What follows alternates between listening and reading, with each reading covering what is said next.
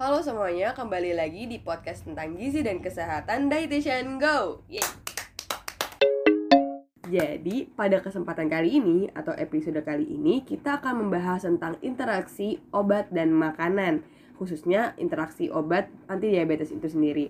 Kayaknya karena ini kita akan bahas uh, obat, kayaknya nggak afdol nggak sih kalau kita nggak ngajak orang yang paham tentang obat-obatan nih. Oleh karena itu, saya mengundang teman saya Naura Syafira. Halo teman-teman Edison Go. Oke, jadi nanti uh, Naura ini akan membawa insight tentang obat-obatan di sini nih. Halo Naura, apa kabar? Hai Puji, alhamdulillah baik. Puji gimana? Alhamdulillah baik juga. Sekarang Naura lagi sibuk apa sih? Sekarang lagi sibuk jadi mahasiswa keprofesian apoteker di UIJ. Wih, mantap banget nih. Mahasiswi apoteker kan, berarti udah paham banget gak sih tentang obat-obatan, Nau? Iya, kebetulan udah mau lima tahun belajar obat-obatan. Eh, pas banget nih, Nau. Jadi, pada kesempatan kali ini kita akan ngebahas tentang interaksi obat dan makanan, khususnya obat anti diabetes itu sendiri, Nau. Oke. Nah, seru sih ini kan. Seru dong. Nah, jadi di episode sebelumnya itu udah pernah dibahas tentang DM itu sendiri sih, Nau. Jadi uh, DM dan prinsip 3J-nya itu sendiri. Nah, bahas tentang apa namanya tadi obat anti diabetes atau tentang DM. Jadi sama seperti episode sebelumnya, DM itu sendiri merupakan penyakit metabolisme kronis akibat kerusakan atau disfungsi dari insulin yang ditandai dengan tingginya kadar gula dalam darah ya kan, Nau? Iya benar banget nih. Jadi karena tubuhnya ini nggak nggak bisa memproduksi dengan baik, makanya eh, harus dilakukan pengaturan makan dan ditambah zat lain yaitu eh, obat itu sendiri. Hmm, nah, karena kali ini kita akan ngebahas tentang interaksi obat dan makanan, kita bahas dulu nih ada jen ada jenis-jenisnya interaksi obat dan makanan.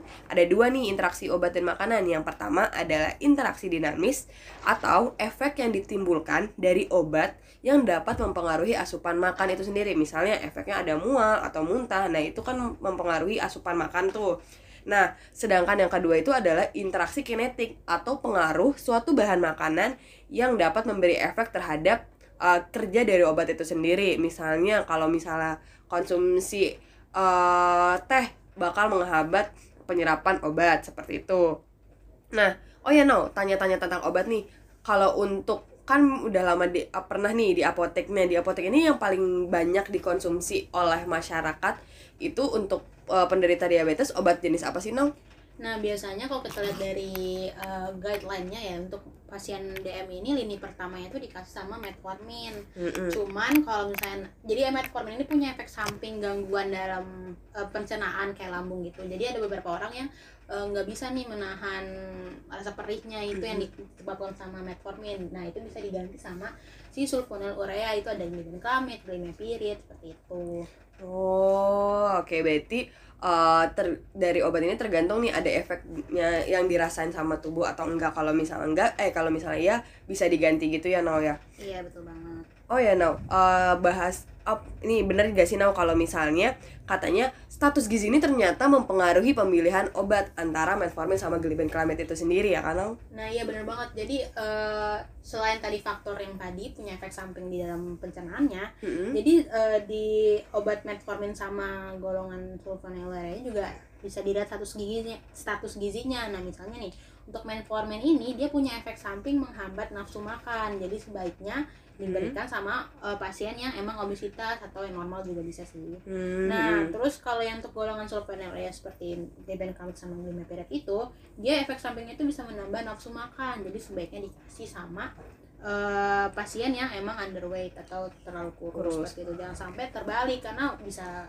ya bisa bahaya ya misalnya Iya. kalau metformin tuh dikasih sama orang yang kurus udah udah dia nggak mau makan diturunin lagi nafsu makannya bisa jadi malah makin gak makan deh. iya gitu deh Bikin makan terus. Oh ya, berarti nih Nau, selain tadi yang mungkin metformin ada efek untuk ke lambung, eh, ada efek lain gak sih Nau dari penggunaan obat apa namanya metformin sama glibenclamid itu sendiri? Mungkin bukan eh, sebenarnya ini jarang terjadi ya kalau Hmm. misalnya si pasien ini nurut nah eh, bukan nurut misalnya makan obat tepat waktu gitu nah. Mhm. ada beberapa pasien yang emang ya lupa aja gitu kan. Iya, benar. Kurang- lupa lah gitu intinya. Nah itu bisa fatal karena kalau lupa kan eh, berarti dia eh, kurang gula darahnya kurang terkontrol ya. Atau juga mungkin dia lupa nih kemarin minum obatnya jam berapa ya? Misalnya lebih cepat atau lebih lama. Nah kalau misalnya lebih cepat itu justru uh, agak fatal karena kan gula darahnya berarti belum mencapai gula darah normal nih. Mm-mm. masih di bawah gitu misalnya. Eh terus dia malah minum obat. Lagi. dan yang emang gunanya itu untuk menurunkan gula, Gula darah. nah berarti makin turun dong. Nah makin turun itu yang itu yang dinamakan dengan hipoglikemik yaitu terlalu rendah gula darah kayak gitu. Berarti uh, penting banget nih ya kalau misalnya kan kita udah konsumsi obat dari uh, apa namanya penurun gula darah tersebut, otomatis asupannya tetap harus dijaga karena untuk menjaga gula darah tuh tetap ada dalam rentang normal dalam tubuh nggak kelebihan ataupun nggak uh, sangat turun karena kalau misalnya efek dari hipoglikemia itu sendiri bisa sampai pingsan atau lemes banget gitu nggak sih Nau? iya benar banget benar banget sering banget tuh terjadi Kayak Terus biasanya eh, kayak dia tuh biar ah, biar konsumsi obatnya tepat waktu tuh biasanya ngapain sih Nau? Hmm. Jadi uh, kan misalnya nih uh, metformin ya biasanya tuh diminum tuh dua kali sehari gitu kan. Hmm. Nah itu bisa banget diminumnya pagi dan malam. Nah, Ah. tapi itu diselingin 12 eh, 12 jam ya karena kan emang dua kali sehari. Misalnya pasiennya makannya jam berapa nih? Jam 7. Berarti uh, minum obatnya jam 8. Jadi kayak diselang, diselingin gitu antara makan sama minum obatnya sekitar ya setengah jam atau satu jam lah kayak Ah. gitu. Dan itu harus di jam yang sama untuk hari-hari berikutnya gitu. Nah, cara buat mudahnya kan mungkin kan biasanya kan yang pasien DM2 apalagi tipe, Tipe 2 dua, ini mm. pasiennya yang udah geriatri ya yang udah berumur Iya bener banget Nah, yang udah lansia gitu ya Iya, Nau? susah lah mungkin untuk ngehafalin itu nah bisa banget nih misalnya si pasien itu emang udah eh, ada handphone bisa banget eh, anaknya gitu ya pasangin alarm di HP-nya Iya. atau mungkin pakai jam gitu ya bisa diniin dibunyiin Di- titit gitu ya apa alarm lah gitu atau ada iya atau mungkin HP anaknya jadi anaknya ingetin kayak gitu Ah, sih oke. Wah keren nih konsep eh, yang untuk alarm itu untuk eh, penderita diabetes. Jadi selain untuk mengingatin, kemarin gue udah dibahas juga nih terkait eh, 3J. Nah salah satu konsep 3J ini kan ada tepat jadwal nih. Boleh banget nih diterapkan dengan menggunakan alarm ini. Jadi kapan waktu makan dan kapan waktu minum obatnya itu sendiri. Nah selanjutnya ini ada informasi terkait bahan makanan yang tadi sebaiknya nggak dikonsumsi berbarengan saat minum OAD itu sendiri. Eh, ya nggak sih kayak contohnya nih misalnya ada jahe. Jahe ini punya efek sebagai OAD juga ternyata atau anti diabetes. Sifat turunan dari eh, kandungan jahe atau flavonoid flavonoid itu apa sih flavonoid itu adalah pokoknya zat yang ada dalam jahe itu sendiri yang ter seperti contohnya ada gingerol, shagol, zengeron atau fenol Nah, zat kimia ini yang ada dalam jahe ini bisa menurunkan kadar gula darah juga sebenarnya. Sehingga kalau konsumsinya bebarengan dengan konsumsi uh, obat anti diabetes, kerjanya bisa double atau bisa menyebabkan hipoglikemia itu sendiri juga. Nah, sifat jahe ini atau efek dari jahe ini juga ada terkandung uh, dalam bawang putih. Nah, bedanya kandungan dalam bawang putih ini ada kandungan alisin dan alinnya yang sama-sama dapat merangsang uh, mem- tubuh memproduksi lebih banyak insulin sehingga produksi apa namanya sehingga kadar gula dalam darah lebih rendah lagi. Selain itu ada obat herbal juga nggak sih Nau yang bisa kayak efek kayak gini tuh? Iya benar banget. Nah, tapi mungkin kalau yang obat obat herbal atau suplemen itu dia bukan bu- dia bukan yang kayak benar-benar menurunkan langsung Mhm. seperti kayak obat-obat yang tadi udah disebutin ya kayak metformin sama Glutamate. glutamate gitu. Dia cuman membantu meringankan gejala kencing manis atau membantu menurunkan, tapi belum tentu dia turun sama obat yang tadi. Obat tadi. gitu. Jadi kadang tuh kemarin ya ketemu banget di ketemu di apotek ya ada pasien yang dia itu merasa suplemen saya udah cukup jadi Mm-mm. waktu itu dia min eh, dia stop yang obat anti diabetesnya dia minum tuh si suplemennya terus datang datang dia cek gula darahnya eh gula darahnya masih di atas bahkan 300 Di atas dan itu 300. emang gede banget kan Iya. nah ya jadi kadang-kadang mungkin ya emang kita juga sih yang harusnya nge- mengedukasi pasien kalau ya beda suplemen dengan obat itu kayak gitu sih jadi yang tadi Puji bilang juga bener banget itu yang kalau harus dijarakin ya Dijarakan setiap konsumsi makanan itunya. Jadi ya itu seperti obat dan apa ya beberapa bahan makanan itu ada interaksinya. Makanya setiap habis konsumsi makan itu harus dijarakin untuk konsumsi obat tadi dari dari satu setengah jam sampai satu jam itu Iya, sendiri. banget.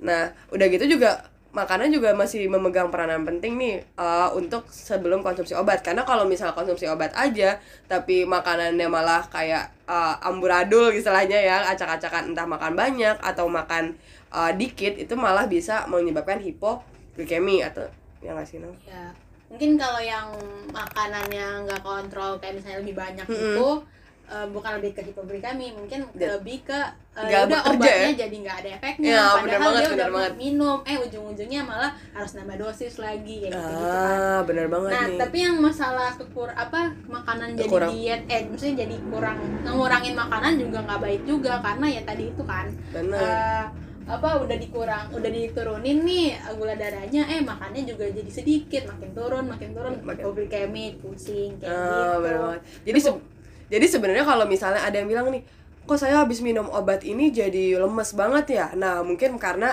bapaknya pas minum obat belum sarapan Sarap- dulu sarapan dulu. atau mungkin ya tadi makanannya enggak enggak nggak pas dengan porsinya Iya, itu ya, Nau. kayak gitu jadi emang semuanya harus seimbang Betul banget. Ini sih emang agak PR untuk pasien diabetes ini semuanya harus balance ya Nau antara makannya, minum obatnya, olahraganya Iya, juga ya kan. banget. terus ngerawat kakinya kan emang sekarang Hmm. kan emang butuh per- perawatan khusus kan Iya benar-benar. Iya pokoknya emang emang pasien diabetes itu nggak bisa sendirian anak-anaknya harus bantuin keluarganya Iya, harus bantuin, merawat itu semua Oke, nah itu nih jadi intinya obat anti diabetes ini membawa efek kadar gula dalam darah. Eh, nah salah satunya itu ya bisa ya karena tujuan dari OAD ini adalah untuk menurunkan kadar gula dalam darah ini sendiri jika digunakan dengan benar. Nah konsumsinya ini harus tetap dengan makanan yang tepat dan tepat eh, jumlahnya dan porsinya itu sendiri. Untuk mencegah hipoglikemi ataupun eh, tadi hiperglikemi atau keparahan penyakitnya. Jadi percuma nih minum obat tapi makannya tetap banyak banget atau nggak kontrol. Ah, ujungnya obatnya kelihatan tidak berefek gitu kan. Kalau misalnya kurang, akhirnya juga eh, malah jadi lemes ataupun malah bisa sampai pingsan. Balik lagi sih pokoknya ke prinsip 3J yang udah dijelasin di episode sebelumnya, yaitu tepat jadwal, tepat jumlah dan tepat eh, jenisnya. Nah, ada nggak sih nih Pak pesan now untuk penyandang diabetes khususnya dalam kayak konsumsi obat itu sendiri? Iya mungkin balik lagi ke tadi ya yang penting tuh intinya minum obatnya itu sesuai eh, ja- eh, setiap setiap hari itu sesuai jamnya. Misalnya jam 8 pagi jam 8 malam besoknya juga sama jangan kurang jangan lebih. Memang kan sulit cuman tadi Iya, balik lagi ke dibantu dengan keluarganya atau mungkin masang tadi alarm. Pokoknya bisa lah ini sebenarnya dikontrol asalkan eh, turut Disiplin ya. Disiplin Disiplin banget kunci untuk uh, penanganan pasien diabetes ini. Wah, mantep banget. Episode kali ini kerasa seru banget karena ada Naura. Naura, makasih banget nih udah mau ngeluangin waktunya buat nge-podcast bareng hari ini. sama-sama Puji senang banget juga bisa ada di sini Semoga podcast ini bisa bermanfaat buat banyak orang ya, terutama buat penyandang diabetes di luar sana. Nah, untuk update terkait informasi gizi dan kesehatan selanjutnya, jangan lupa nih pantengin podcast Dietitian Go di episode-episode selanjutnya. Dadah! Semoga hari ini menyenangkan buat semuanya. Terima kasih banyak.